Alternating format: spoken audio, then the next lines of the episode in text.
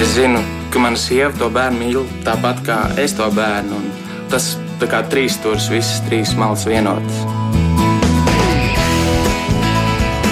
Mēs tiekamies ģimenes studijā.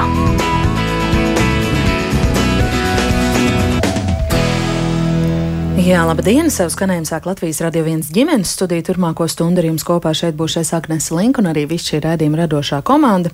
Emocionālā inteliģence. Tā šobrīd kļuvusi par vienu no svarīgākajām prasmēm, kas jāapgūst kā lieliem, tā maziem, tā uzskata daudzi. Un ģimenes studijā šodien plašāk par to, kā to mācīt bērniem. Nesen iznākusi arī grāmata, kas mums pieaugušajiem var būt noderīgs palīglīdzeklis šajā procesā, arī par to šai sarunā. Un kā vienmēr jūs klausītāji esat laipni aicināti pievienoties šai sarunai ar saviem jautājumiem vai kādiem komentāriem. Ja tāda rodas, droši rakstiet mums ģimenes studijai ziņas no Latvijas radio mājaslapas. Bet par to, kas ir emocionālā inteliģence, kā un kāpēc to mācīt, to mums eh, šodien pastāstīta gatavas. Sociālā uzņēmuma esi centrs vadītāja un grāmatas esi spēles maziem un lieliem projekta autora Madara Mitskeviča. Labdien! Labdien! Arī dzen telefoniski ar mums kopā izglītības pētniece, psiholoģija un projekta pumpurs eksperte Kristīna Liepiņa. Labdien, Kristīna! Labdien. Un sveicienus sūtam arī mākslas terapeitei, kognitīvi behaviorālai terapeitei apmācībās Indijai Meluškānai. Sveika! Labdien! Gatavojoties raidījumam, es arī darīju tādus kā mājas darbiņus un uh, meklēju dažādas skaidrojumus, kas ir emocionālā inteliģence. Es uzgāju, ka tā tiek raksturota gan kā spēja pazīt savas un citu emocijas, lai motivētu sevi un spētu labi vadīt savas emocijas, kā arī emocijas attiecībā uz citiem cilvēkiem, gan arī tā tiek raksturota kā spēja kontrolēt un regulēt savus un citu jūtas un izmantot tās kā ceļvedi domām un darbiem. Ko jūs vēl pievienotu šīm definīcijām vai kaut kā papildinātu tās no sava, sava skatu punkta, no, no sava viedokļa? Madara varbūt kā klātienē esošs cilvēks varat sākt. Jā, paldies. Tiešām definīcijas ir vairākas. Man jāpiekrīt plašas. Es tās esmu definējusi sev un uzņēmumam kā apziņotību, mērķtiecību, saklausīju arī to empātiju un komunikāciju. Īsāk, kā pazīt sevi, un galu galā kā pazīt pasauli. Līdz ar to tas ir būtiski kā bērnam, pirmsskolā, skolā, un tikpat ļoti svarīgi arī vecākam. Mm -hmm. Kristīna, ko jūs no savas puses varbūt piemetinātu? Es varbūt teiktu tā pavisam vienkārši, ka tas nu, emocionālā inteligence, tas ir mūsu katra skatījums uz dzīvi un izpratne par uh, cilvēka dabu. Nu, tā pavisam vienkāršot sakot, un nu, mēs pieaugušie esam atbildīgi par to, kādu un cik plašu un cik dziļu šo bērnu pasaules redzējumu mēs veidojam, un tieši ar šīm attiecībām caur, šo, caur šīm prasmēm mēs tad bērnam arī šos ceļus rādam. Jā, Sindija. arī pievienošos visam iepriekš teiktajam, pati sev pirms raidījuma arī uz šo jautājumu atbildēju tā, ka lasīt sevi, savas emocijas, saprast uh, otru cilvēku un iejusties viņa ādā lasīt sevi un iejusties otrā ādā. Šis man uh, ļoti patika un likās ļoti uztveram. Radījuma ievadā es paudu tādu tēzi par emocionālo inteliģenci kā vienu no mūsdienu cilvēkam nepieciešamākajām pamatprasmēm. Un uh, tā pagūglējot, es sapratu, ka par to ļoti, ļoti daudz runā un raksta arī tieši biznesa un organizāciju vidē. Kāpēc šī emocionālā inteligence, kā tāds ļoti būtisks faktors, šobrīd tiek minēta līdzās pat tādām kvalitātēm kā cilvēka IQ, inteliģenta koeficienta indeksa rādītājs, jo tik tiešām šī spēja saprast un pārvaldīt savas, kā arī citu cilvēku emocijas, tiek minēta kā ļoti būtiska priekšrocība gan, gan darba vietā, gan, tar, gan darba tirgū vispār. No kurienes tas ir mm, radies? Kā jūs teiktu? Madara? Jā, um, es esmu arī kočs ikdienā. Uh, un uh, topošā supervizora līdz ar to uh, klienti, vadītāji tiešām vēršas ar šiem jautājumiem.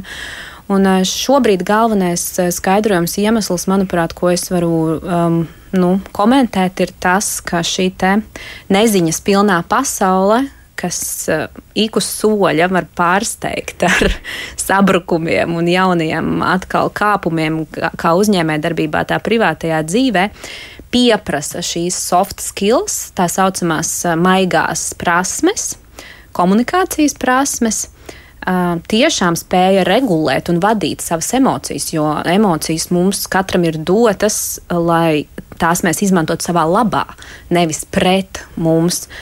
Un, kur nu vēl būtiskāka vide, kā uzņēmējdarbība, jo, ja ģimenē mēs varbūt aiz aizslēgtām durvīm varam pievērt acis uz to, ka mēs kādam uzkliedzam virsū, vai neviens nezina, vai sieva vai vīrs tas mums ir apvaidojies. Uh, bet uzņēmuma darbinieki, komanda to uzreiz redz, un tas, tie, tas rezultāts ir izteikts naudā.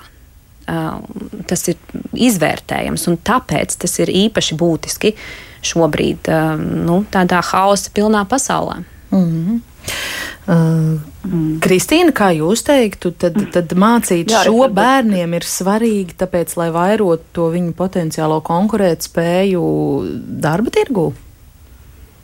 Jā, jo pētījumi arī to rāda, mm, ka šis tieši sociāla emocionālās inteliģences attīstīšana palielina tādas izredzes gūt panākums gan skolā, gan pēc tam darbā un dzīvē, dzīvē kopumā, jo, kā jau Madara minēja, šo, šo, šo nedrošo un ārkārtīgi mainīgo pasauli un Uh, un tā arī ir, jo lielāks ir šis emociju pārspēks uh, katrā no mums, vienalga bērnā vai uh, pieaugušā, jo, jo mazāk pārdomāta ir mūsu rīcība, un līdz ar to, protot atpazīt un vadīt šīs emocijas, mēs veidojam nu, pašu to savu pasaules drošumu, un jo labāk mēs saprotam šo, šo savu iekšējo pasauli, jo, jo vieglāk mums ir vadīt savas domas un līdz ar to arī pieņemt lēmumus.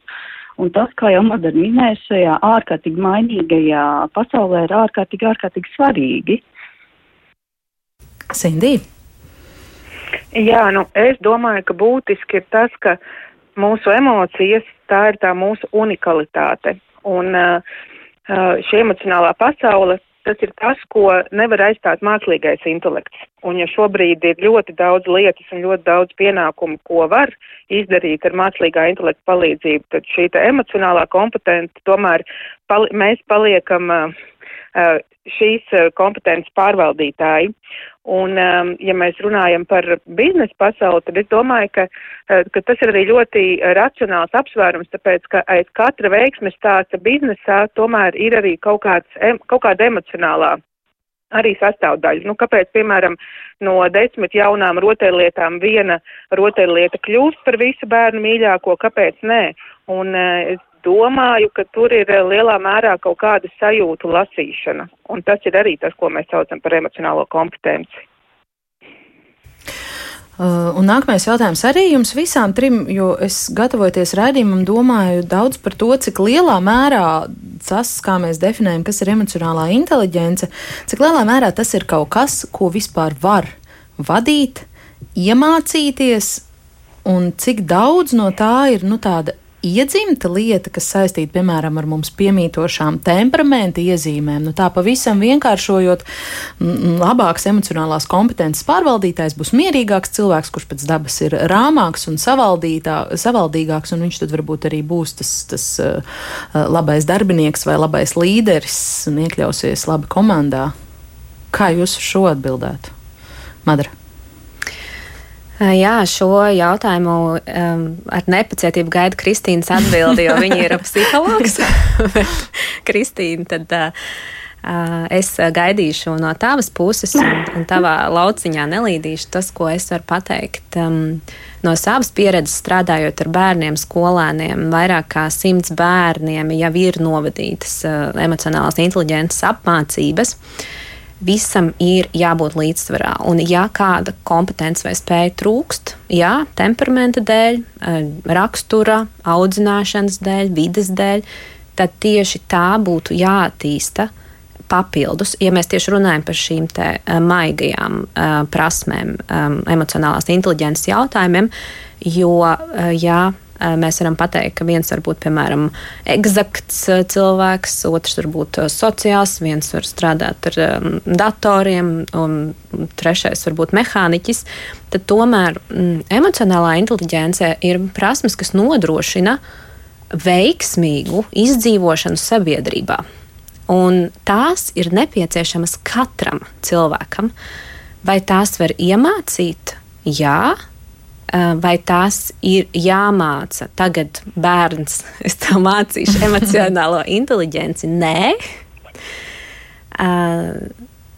Tās vecāki var nodot dabiski saviem bērniem, tie, protams, kuriem piemīt, arī pedagogi, ne tikai vecāki, protams, šīs prasmes, kuriem tās piemīt, kuriem tās nepiemīt, Eh, tad tie, eh, tie var izmantot palīgu līdzekļus, dažādas spēles, grāmatas un caur to bērns eh, nu, saņem šo informāciju patiesībā katru dienu, visu dienu, kā komunicēt, kā sadzirdēt sevi, kā to iztulkot, kā reaģēt.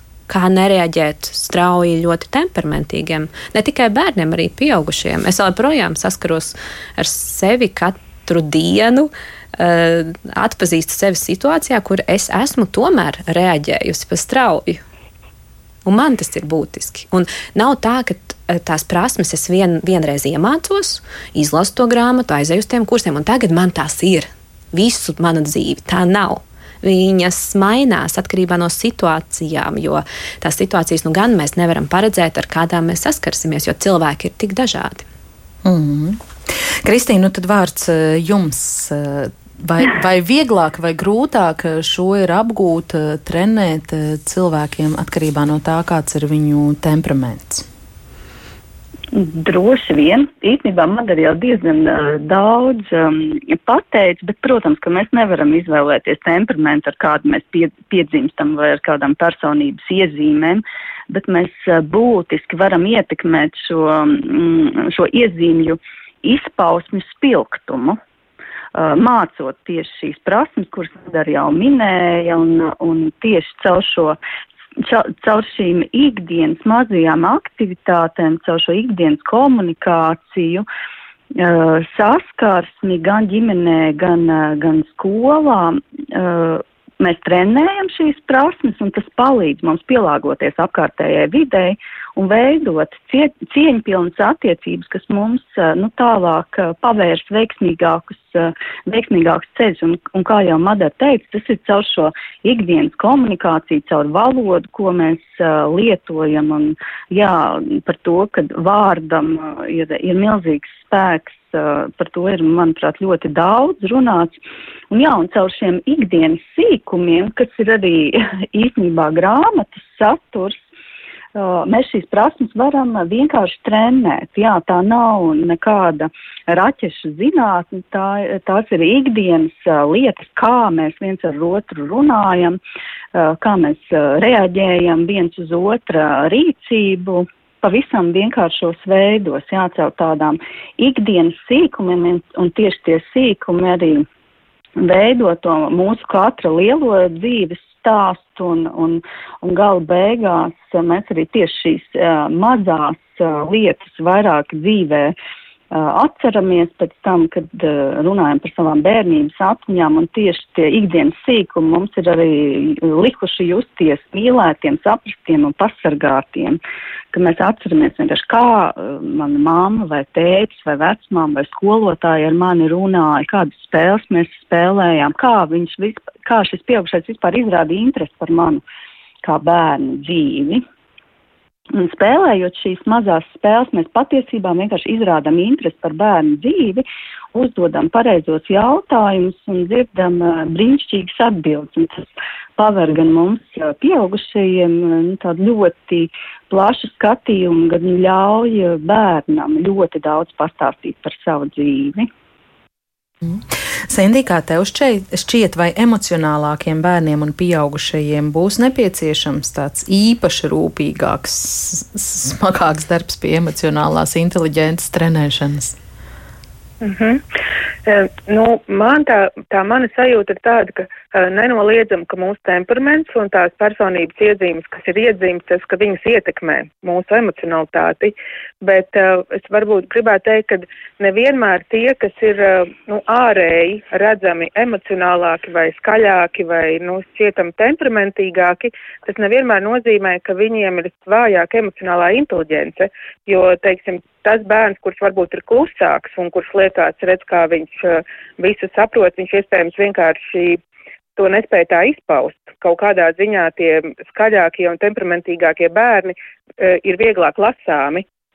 Un viņi arī to, nu, viņi to vienkārši izrāda mazliet savādāk, bet, uh, nu, pilnīgi piekritīšu visam, ko teica iepriekšējās runātājs, ka, uh, ka ideālā ideāli būtu, ka šī nav tāda kompetence, kas ir atsevišķi jāmāca skolā vai, vai uh, nezinu, pulciņos, bet ka tas notiktu uh, dabiski ģimenē. Bet, uh, diemžēl, realitātē ir tā, ka no mums pašiem pieaugušajiem tā emocionālā inteliģence nevienmēr ir tik labi attīstīta, lai mēs viņu tā dabiski bez piepūles arī varētu nodot saviem bērniem.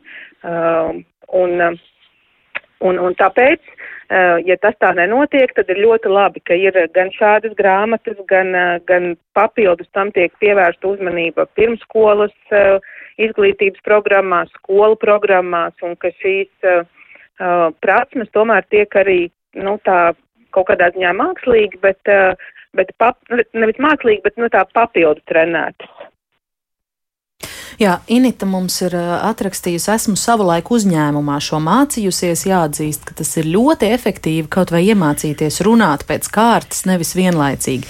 Man ir sajūta, ka mēs drusku, drusku šeit šobrīd teoretizējam, tāpēc man gribētos vaicāt, vai jūs varētu arī dalīties ar kādiem, nu, piemēriem, kas ir tāds emocionālās inteliģences piemērs, piemēram, ģimenē vai, vai skolas vidē, un kāds piemērs, nu, kas parāda, ka šajā situācijā mums trūkst emocionālās inteliģences. Nu, Inits pieminētais, jā, uzņēmumā mācījusies, kaut vai iemācīties tik vienkārši lietu, kā runāt pēc kārtas, nevis visiem vienlaicīgi.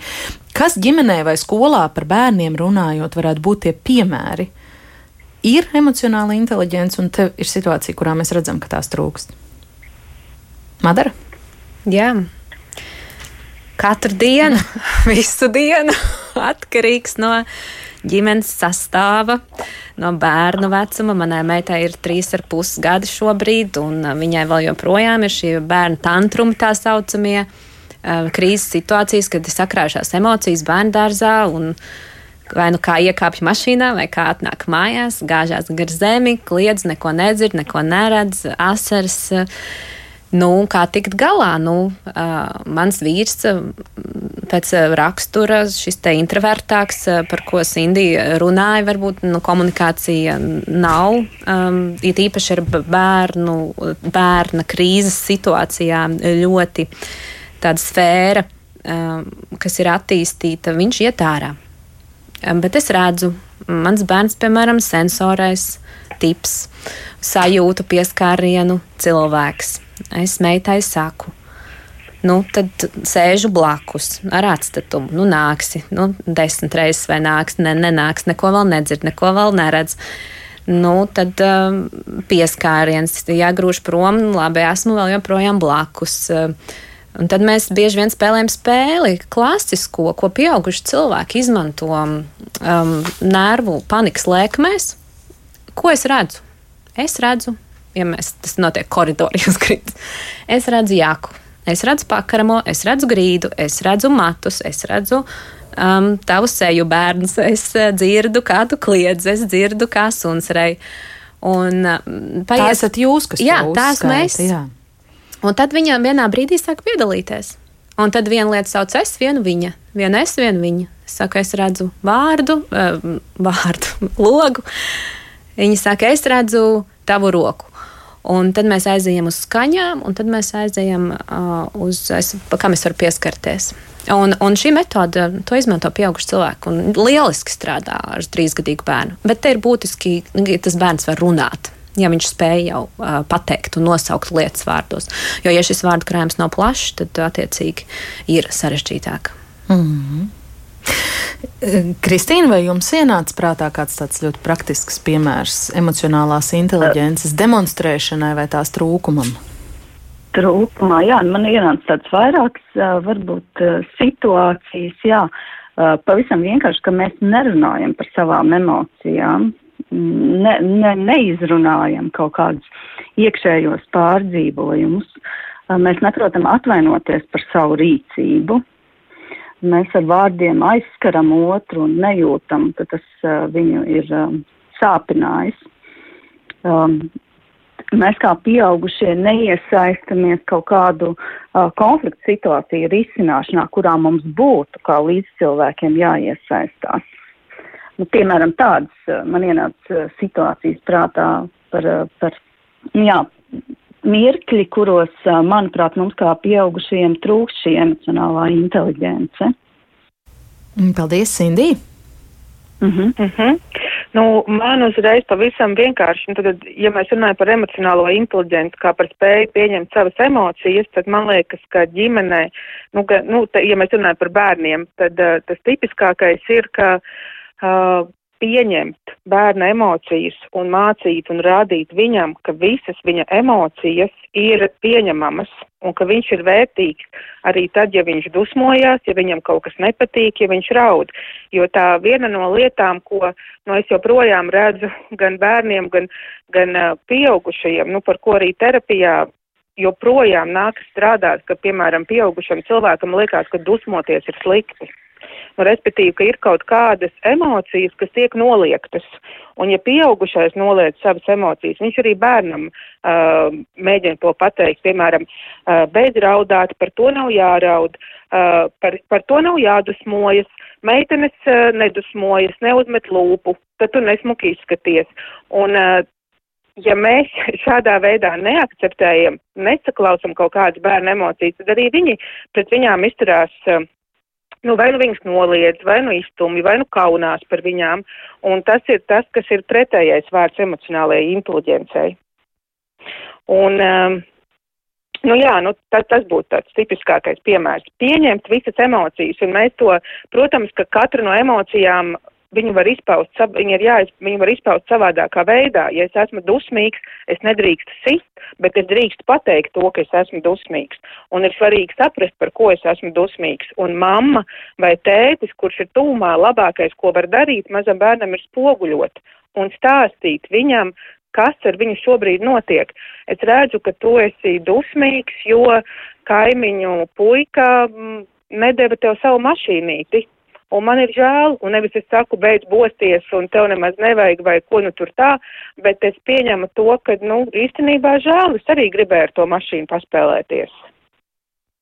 Mm. Paldies par praktiskajiem piemēriem. Līdz šim radījumā jau vairāk kārt tika pieminēta grāmata, arī radījuma ievadā, un tad es gribētu nedaudz parunāt par to, Kas tajā ir ietverts, kas ir tās saturā un kāpēc vispār radās ideja par eh, šādas spēļu grāmatas, esi spēles maziem un eh, lieliem nepieciešamību? Madara sāks stāstīt. Jā, jā, grāmatā ir 45 metodes, kā spēles, spēles kā metodas. Vārds vecākiem un pedagogiem tie atšķirās. Mm -hmm. Viens lietā metodas. Un autoru kolektīvā ir 20 autori, arī Sindija un Kristīna, kas ir šodien ar mums šajā diskusijā. Un, um, tie visi 20 autori tiešām sirsnīgs paldies. Ir savu nozaru profesionāļi, terapeiti, pedagogi, psihologi, koči, sociālie pedagogi, uzņēmēji. Un mērķis, kādēļ tapa grāmata, ir vieglā, brīvā, nepiespiestā veidā rosināt ģimeni, klasi, skolu, sabiedrību, tikai sākt domāt par šiem jautājumiem. Tās ir metodes un spēles, gatavas lietošanai, vienkāršas. Nav nepieciešama nekāda papildus materiāla, gandrīz nevienā no tiem. Un vēl pie tam grāmata un metodes ir tapušas saskaņā ar skolu 2030 vadlīnijām. Un arī grāmatā ir atvēlēta vesela lapas puse um, šo te. Um, ministru kabineta noteikumu interpretācijai par tikumiem, kas ir iekļauti skola 2030 izglītības programmā, kā atbildība, centība, drosme, godīgums, gudrība, laipnība, līdzcietība un citi. Visus nesaukšu. Tāpēc būtiski, ka um, šī grāmata ir kontekstā arī ar izglītības, uh, valsts izglītības politiku. Mm. Tad man jāvaicā arī, kā radās tā uh, motivācija, pats tas, tā, tā sākuma iecer, bija kaut kāds impulss, tāda ir nepieciešama? Vai tas ir saistīts arī ar uh, jūsu sociālo uzņēmumu esi centrs? Jā, tas ir tiešā veidā saistīts ar sociālo uzņēmumu, kas tapa um, projekta rezultātā, konkursa rezultātā Labklājības ministrijā sociālās uzņēmējdarbības uh, projektu konkurss, un tas ir ieguvis arī altumu finansējumu tieši grāmatu izdošanai. Un es kā projekta veidotāja, tad, kad tas bija tapšanas stadijā, es pati tam veltīju mēnešiem laika par to, kas, kāpēc un kā, un es sapratu, ka es esmu par preventīvu, interaktīvu rīcību, kā mēs nonācām arī sarunas eh, gaitā līdz secinājumam, labi, līdz šim brīdim ir bijusi teorija un teoretizēšana, iedodiet praktisku piemēru. Un eh, man ļoti patīk teorijas pētījumi un zinātne, bet tikpat ļoti es vēlos to iedzīvināt reālā ģimenē, reālā klasē, skolā, jo bieži vien tā plaisa starp teoriju un, un reālo dzīvi ir bieži vien pat pa dziļu. Uh, kad cilvēks bez specifiskām zināšanām nespēja aprobēt, uh, pielietot šo informāciju savā ikdienā. Un tas ir tas mērķis visiem saprotamā veidā sākt runāt par šo kā jūs, Agnes, minējāt, būtisko um, spēju blakus IQ ir IQ, kas ir emocionālais inteliģences koeficients, jo tā tiešām ņemot vērā to, ka mūsu bērniem dzīves laikā ļoti iespējams būs jānomaina katram pat desmit profesijas. Uh, un emocionālā inteligence spēlē būtiskāku lomu kā IQ, kā intelekta koeficients šajā, šajā jautājumā. Mm. Bet bija arī kaut kādi vērojumi, kas uh, lika jums saprast, ka ar šo mums ir pavisam slikti tajos Latvijas bērnu dārzos, skolās un ģimenēs, ka šāds materiāls ir vajadzīgs. Nav metožu. Pedagogiem nav ar ko strādāt.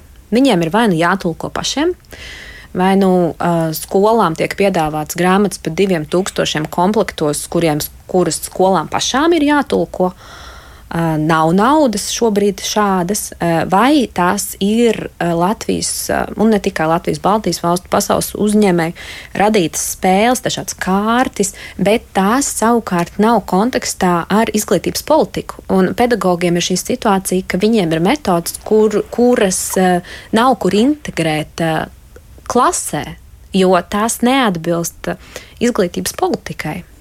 Tas ir pilnīgi citā kontekstā. Piemēram, mēs coachingā vai supervīzijā izmantojam kaut kādus konkrētus materiālus. Privāti praksēs kolēģis varēs nokomentēt, izmanto noteikti daudz palīgu materiālus, strādājot ar bērniem, ar pieaugušajiem.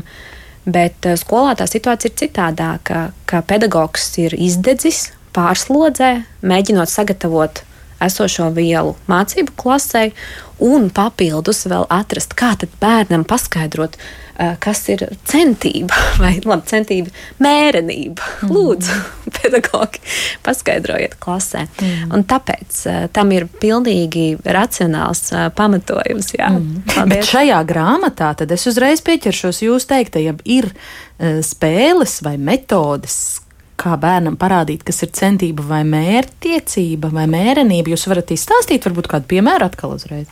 Jā, jā. Piemēram. Katrai spēlē ir apakšā, mums ir atzīmēts, kuras prasmes, kuri tikumi mm -hmm. tiek nu, attīstīti. Un te, piemēram, tā es ne, nevarēšu uzreiz atrast Sindijas metodi, piemēram, Kristīnas Liepiņas metodi arī. Uh, spēle numur trīs grāmatā. Ja? Katrs grupas dalībnieks, nu, klases skolēns, pastāsta par savām stiprajām pusēm. Kas patīk sevī, ko ciena sevī, ko mīl sevī, kas dod pārliecību, kas sniedz ticību sev. Nu, lūk, un te ir arī prasmes, kas tiek attīstītas, drosme, vispār pastāstīt, godīgums, atklātība, ja, mērenība. Un mērenība bija ļoti interesants skaidrojums tieši no tikuma izpratnes. Un tas ir no ministra kabineta noteikumiem. Jā, es tagad citēšu. Mērenība ir rīcības un uzskatu līdzsvarotība, spēja nošķirt saprātīgas vēlmes no nesaprātīgām un atteikties no nevajadzīgā, atturēšanās no tā, kas traucē personas attīstību. Un te interesanti, mēs it kā varētu stāstīt, uh, nu, ka es mīlu sevi, um, nu, tur pārlieku lielu pedantismu vai kārtību, ko gan es vispār neesmu kārtīga. Un te lūk ir mana mērenība būt pašai godīgai attiecībā uz sevi un atklāt, nu, es neesmu kārtīga, bet man izdodas strādāt komandā, piemēram. Ja? Uh, mērķtiecība, apziņotība, komunikācija un šīs prasmes un tikumus uh, trenē šī konkrētā Kristīnas Liepiņas izveidotā metode. Mm -hmm. Kristīna, tad došu jums vārdu, ko piebilst Madaras teiktajam. Tīpaši es jums kā izglītības pētniecei gribētu vaicāt, jā, vērojot izglītības procesu, pētot tos, mm, kāda jūsu skatījumā ir tā aina skolās eh, šobrīd, vai jūs varat piekrist Madaras teiktajam, ka šādu materiālu trūkst un, un, un pat nav, nav bijis latviski? Mm -hmm. uh, man negribētos teikt, ka uh, nu, pavisam nav un nekad nav bijis, bet uh, man liekas, vēl uh, paturpinot uh, vai, nu, vai noslēdzot uh, to, to sākotnējo domu par vispār, kāpēc grāmata radās, man liekas, ka Madarai. Madara vispār dara to, kas viņai patīk un kas, kam viņa tiešām no sirds tic. Un, un tā doma bija nu, parādīt, ka, ka trenēt šīs prasmes ka tas nav nekas sarežģīts. Kā jau es sākumā minēju, ka to mēs darām caur ikdienas sīkumiem, un mēs arī vienā no sākotnējām sarunām abas divas vienojāmies, ka nu, tai grāmatai gala beigās ir jābūt tādai, nu, ko mēs pašas ikdienā uh, darot tēju uh, pēc uh, vakariņām, sēžot kopā ģimeni, gribētu šķirtīt un veltīt tam 3, 4, 5 minūtes, pāris dienas uh, nedēļā, lai, lai vienkārši pav viegli pavadītu laiku kopā. Tā bija tāda noslēdzošā doma, ko es, ko es gribēju pateikt vēl par, par grāmatas idejas tapšanu, uh, bet par to, kāda situācija iezīmējas skolā, man liekas, ka nu, tā ir tāda milzīga un, un plaša tēma, uh, Un man liekas, ka problēma ir tā, ka ļoti būtiski ir mainījusies gan skolotāja loma, gan mūsu kā vecāku loma, gan bērna pozīcijas šajās attiecībās. Un, un tas um, ir radījis uh, tādu jaunu situāciju, un mums ir jāatrod jauni veidi, kā, kā savstarpēji komunicēt un uh, kā, kā veidot šīs cieņpilnās attiecības. Un par to tiešām nav gudru grāmatu, un kā jau mēs uh, sākumā uh, runājām, ka tas ļoti lielā mērā ir um, atkarīgs nu, no mūsu šīs personības komponentes, un, un par to arī ir ļoti daudz pētījumi. Un uh, patiesībā, nu, nedz skolotāja pieredze, nedz, nedz viņu akadēmiskās zināšanas, piemēram, nekorelē ar viņu šo Uh, šo pašefektivitātes izjūtu, to, to sajūtu, kad es varu ar, ar visu skolā tikt galā un uh, ar klasi tikt galā, bet uh, tur lielā mērā ir tieši šī skolotāja personības kvalitāte, un tā ir saistīta ar viņu sociālo emocionālo inteliģenci, tās esamību vai neesamību, un tas arī noteiks, cik veiksmīgi vai neveiksmīgi uh, viņš uh, tiek ar, ar, ar skolas situācijām galā, cik veiksmīgs viņš jūtas kā skolotājs skolā, jā, cik prasmīgs risināt visas šīs situācijas gan ar bērniem, gan ar bērnu vecākiem, un, un to pašu mēs varam teikt arī par mums kā vecākiem. Arī mums ir šī personības komponente, un arī, arī mūsos tas noteiks šo prasmi vai neprasmi sadarboties ar skolu, prasta audzināt savus bērnus, un jā, un uh, vis, uh, visas šīs sarežģītās attiecības, um, tas ir uh, šīs um, sociāla emocionālās komponentes um, tāds liels, liels svars, ja tā var teikt. Vēl jautāšu jums, tomēr, lai arī plaša tēma, bet varbūt eh, daļai varam pagūt eh, tam pieskarties. Jūs eh, pedagoģijas doktorantūrā pētāt skolotāju autoritāti mūsdienu skolā. Mm, varbūt varat tā mm -hmm. nedaudz vienkāršoti ieskicēt, nu, kā tas skolotāja autoritātes fenomens ir saistīts ar šīs emocionālās inteliģences klātesamību vai trūkumu. Um, jā. Uh, kas tad ir jāsāk vispār ar to, jā, kas tad, kāda vispār tad ir skolotāja loma? Tas ir radīt pārmaiņas, ierosināt attīstību, palīdzēt bērniem augt. Un cilvēks, skolotājs būs tas cilvēks bērnu dzīvē, kurš, kurš viņu zināmā mērā vada, piedāvā atbalstu viņu ceļā, un tad um, šodien ir tas aktuālais jautājums, ko tas mūsdienu sabiedrībā vispār nozīmē, uh, kādam pieaugušajam mēs uzticamies, uh, kādu, uh, kādam pieaugušam uzticās mūsu bērni, kādam ir jābūt šīm savstarpējām attiecībām. Un, un jā, tad ir, tad ir šī problēma, ko jau es minēju, ka ir mainījusies šī skolotāja loma ļoti būtiski un bieži vien skolotāji paši vairs netic sev un šīm savām spējām. Un tas lielā mērā ir saistīts arī ar skolotāju sociālā statusa problēmu, ja vispār profesijas prestiža problēmu. Un tad ir jādomā, kā šo, šo skolotāju varu, bet varas pozitīvajā nozīmē spēcināt, jo, jo, jo tas ir skaidrs, ka attiecībās starp pieaugušiem un bērniem pieaugušiem ir vara. Un vara var būt gan pozitīva, gan, uh, gan negatīva, un uh, viss ir atkarīgs no tā, kā mēs to to izmantojam, un, un, un, un to mēs varam darīt šajā pozitīvajā veidā, un, un šī pozitīvā vara izpauž caur, caur mūsu saskarsmi, caur mūsu komunikāciju ar bērniem, un te arī parādās tā uh, sociāla emocionālās inteliģences komponente. Un to mēs darām caur šo attiecību kultūru, uh, caur valodu, kādu mēs lietojam ar bērniem. Un, un tur ir milzīgs šis uh, pētījuma uh, pētījuma laiks, uh, lauks un, un tieši autoritātes uh, konstruktā valodai un, un šai attiecību kultūrai ar bērniem ir, ir piešķirta ļoti liela nozīme. Un, un tas, tas viss ietver šo sociālo emocionālo komponenti. Tāpēc ir svarīgi uh, par to runāt, un jo sociāli emocionāli kompetentāks ir šis pieaugušāks, jo viņš ir pārliecināts par savu tādu ietekmi un atbildību, gan par bērnu mācību sasniegumiem, gan par uzvedību, gan par attīstību kopumā. Un, um, jā, un tad viņš arī būs tas pieaugušais, uh, visticamāk, kuram bērns jutīsies droši uzticēties. Nu, jā, Sindijai arī Vai tad uh, vaicāšu. Es domāju, ka jāpaldies. Sindija, Kāda bija tava motivācija Jā. iesaistīties grāmatas tapšanā, un varbūt tu vari pastāstīt arī par uh, savu pienesumu, par uh, kādu no tām metodēm, ko tu esi piedāvājusi, aprakstījusi grāmatas ietvaros? Uh -huh. uh, man, uh, man piedāvāja uh, iesaistīties, un uh, Eh, es ar prieku piekritu, eh, lai gan tas bija man pašā ļoti atklītā laikā, bet es sapratu, ka, ka šādam projektam, nu, ka, ka tas īstenībā ir baigi foršais projekts un ka būtu žēl, ja ir tāda iespēja viņā nepiedalīties. Eh, un, um,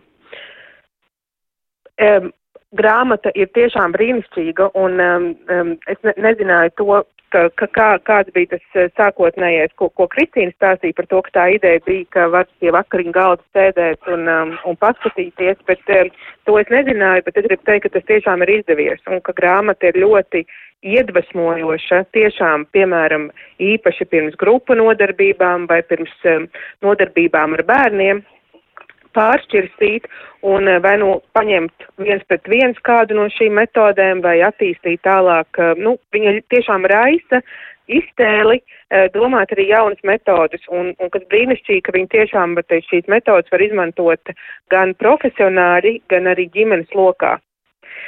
Bet uh, par manām metodēm es aprakstīju divas uh, metodas, ko es arī izmantoju uh, gan ar jauniešiem, gan ar pieaugušajiem saliedēšanai, uh, lai mm, at, teiksim, kad ir vai nu jauna grupa, vai nu pat grupa, kuri jau ilgstoši ir kopā, piemēram, kolēģi, bet kuri varbūt netik labi citu citu pazīst, tad tās manas metodas bija par to, kā mēs grupā ieraugam, ka mums visiem ir kaut kas kopīgs. Un tas nozīmē, ka mēs varam labāk citu citu saprast, un vienlaikus arī mums visiem ir kaut kas atšķirīgs. Un neviens no mums uh, savu atšķirību dēļ nav sliktāks, uh, bet viņš ir tikpat cienījams un tikpat vērtīgs arī tad, ja, piemēram, uh, man garšo desa, bet otrs cilvēks varbūt ir veģetārietis. Nu, tā, es nezinu, vai, vai, vai tu gribi, lai Plašāk. es arī sīkāk. Plašāk neatklāsi, jā?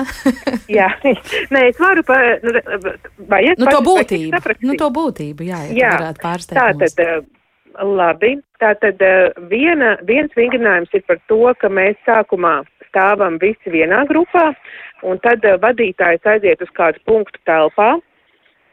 Tas ir doma, vingrinājums ir pārvietošanos un saka, tagad pie manis nāk visi, kuriem patīk detektīvu seriāli. Un tajā brīdī pie viņa aiziet visi, kuriem patīk detektīvu seriāli, un cilvēki ierauga, o, izrādās, uh, mums ir kopīgi interesi. Pēc tam vadītājs iet uz citu punktu telpā un saka, un tagad pie manis nāk tie, kuriem patīk uh, uh, strādāt dārzā un kuriem ir mazdārziņš. Un šādā veidā, uh, pārvietojoties pa telpu pēc interesēm, cilvēki ierauga, ka rekur, es, es, piedaru šim bariņam, es piedaru citam bariņam, un tas veicina gan piederību, gan kopīgo interešu izpratni. Un uh, otrs vingrinājums ir um, kaut kādā ziņā līdzīgs, tikai katrs no grupas dalībniekiem, uh, visa grupa stāv aplī, katrs no grupas dalībniekiem iet centrā pēc kārtas, un ieejot centrā, viņš arī pasaka kaut kādu lietu par sevi. Uh, piemēram, man ļoti garšo frī kartupeļi. Un tad pārējie grupas dalībnieki viņam pienāk tik tuvu, cik viņiem arī garšo frī kartupeļi. Un ja kādam ļoti negaršo frī kartupeļi, viņš pat pakāpjas atmuguriski no šī apļārā. Un šādā veidā var runāt gan par, par ēdieniem, kaut kādām absolūtām, nu, par, par interešu lietām, atkarīgs no grupas, protams. No ar bērniem tas tie būs kaut kādi kaut kādas intereses, vaļasprieki, sporta veidi, kas patīk, nodarbes uh, ar pieaugušajiem, nu tur jau var uh, pat kādus nopietnus jautājumus risināt, piemēram. Un, un atkal šādā veidā uh, veidojās tā saliedētība par to, ka rekur izrādās mums visiem patīk uh, iet uz teātri vai, um, piemēram, mums uh, arī patīk kaut, kādas, kaut kāda viena veida mūzika. Tiek meklēts kopīgais. Jā. Jā. Daži klausītāji jautājumi. Kāda mamma, klausoties mūsos, vaicā, ko darīt, ja vienam no vecākiem ģimenē tā pašvakāk ar emocionālo inteligenci, vai otrs vecāks to var kaut kā kompensēt, un uh, viens no bērniem ir ļoti emocionāls, baidos, ka ar manu kompetenci vien ir par maz. Kristīna? Es teiktu, dzeriet vakaros kopā tēju, lasiet grāmatu un, un, um, un gan jau, ka kāda no, no aktivitātēm uzrunās abus pieaugušos. Uh, tas varētu būt, uh, būt tāds viens, un bērni viegli mācās no mums pieaugušiem, un es domāju, tas ir svarīgs resurs, ka, ka viens no vecākiem, tātad šī gadījumā es noprotu māma, tā kā apzinās šo grūtību, ja, ja, ja tā to var, var nodefinēt. Un, reizēm bērniem pietiek arī tikai ar to, ka, ka viņi redz un spēlē šo spēli ar vienu vecāku, bet tas otrs ir līdzās esošs. Viņš tā kā ir novērotājs no malas, un es tiešām ticu, ka, ka ar laiku pēc vienas, otras un trešās šādas vakarēšanas, jau iespējams ceturtajā, arī, arī tētim būs ko teikt un, un kādā no aktivitātēm piedalīties. Es tiešām ticu, jo tas, tas, ir, tas ir vienkārši. Jā, Kristīna mūs mudina būt optimistiskiem par tētiem. Ilze vaicā arī par tēti, tev būtu jābūt, jābūt pateicīgam. Visi kašķi ir no tā, ka tev viss tiek.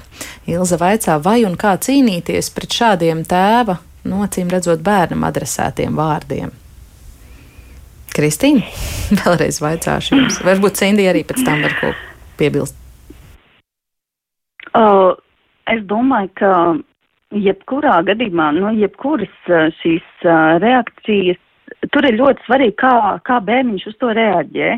Un uh, iespējams, ka viņš uzdod kādus jautājumus, un tad ir ārkārtīgi svarīgi uz šiem bērnu jautājumiem uh, atbildēt un mēģināt skaidrot.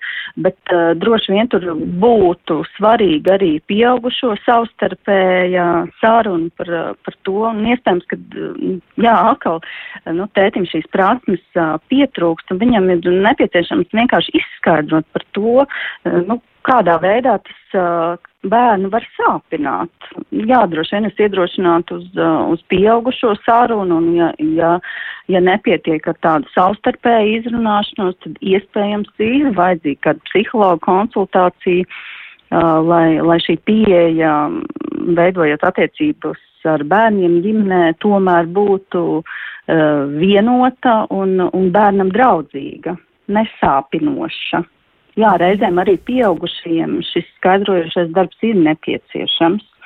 Un šīs prasmes ir jāmācās, kā jau Madara pašā sākumā, sarunas sākumā minēja. Mm, -hmm. jā, tā tad, ja nepietiek ar savu sarunu, savstarpēju sarunu, tad iespējams ir vajadzīgs um, jau konsultācija ar speciālistu.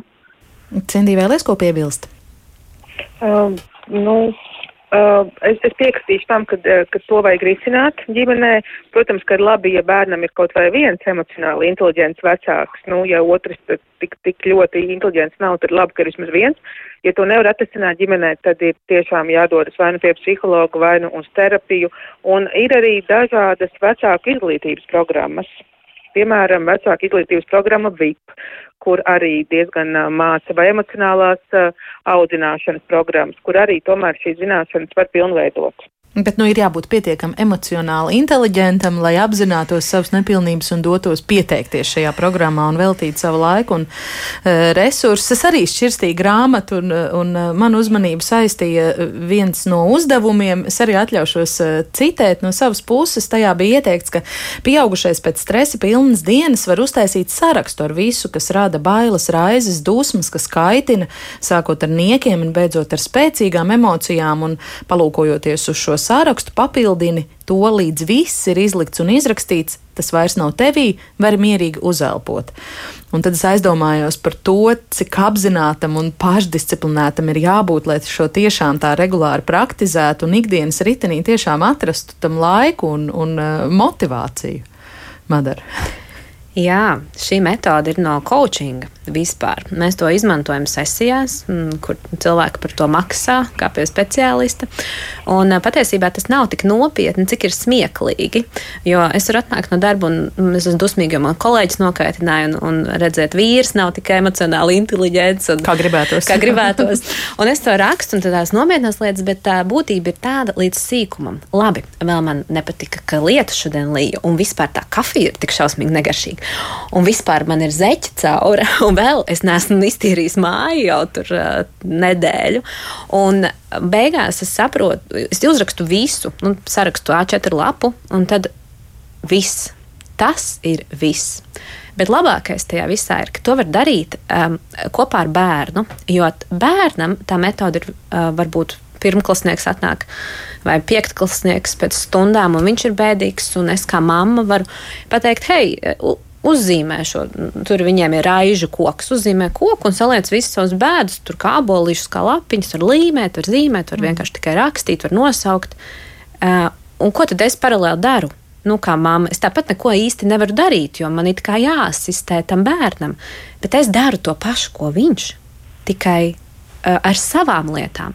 Un tas nav papildus laiks, kas ir jāatrod. Tas ir viens un tas pats laiks, ko es pavadu kopā ar bērnu. Es tikai to pavadu savai pašizaugsmai, un bērns uh, caur to mācās strādāt ar sevi. Metode ir viena un tā pati.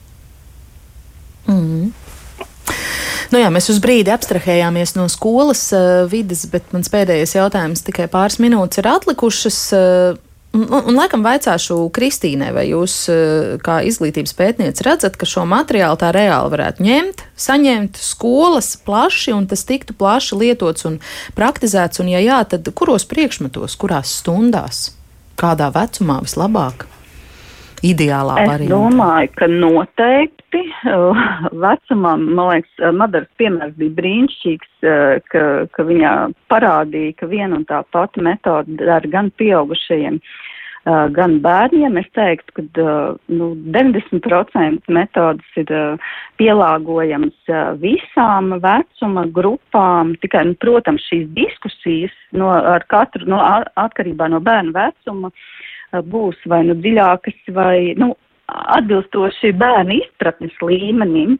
Tā kā tas būtu viens un par tiem mācību priekšmetiem, es domāju, ka uh, visas sociālās uh, zinības audzināšanas stundas, tās, tie var būt arī brīži starpbrīžos, jo arī starpbrīži bieži vien skolās uh, izmanto dažādu spēļu spēlēšanai, un šis arī būtu lielisks, uh, lielisks uh, veids kā to darīt, bet jāpriekš audzināšanas stundām, veselības mācībām, sociālajām zinībām šis būtu ļoti, ļoti piemērots. Jā, no savas puses tikai. Jo, jo tas viss ir par dzīvi un uh, par mums uh, cilvēkiem, par to, jā, kā mēs jūtamies, ko mēs domājam, cik mēs droši, droši vai nedroši jūtamies uh, viens ar otru attiecībās tajā vidē, kur mēs dien dienā esam. Tā ir īstenībā, te ir tas ir tāds uh, diagnostikas uh, pat rīks īstenībā priekš skolotājiem, kas ļoti daudz varētu pateikt par tādu uh, klases uh, vidējo temperatūru, par uh, atspoguļot uh, dažādus aspektus, uh, individuālus aspektus uh, uh, katra bērna dzīvē. Jā, es, es teiktu, ka ļoti daudz efektīvas metodas.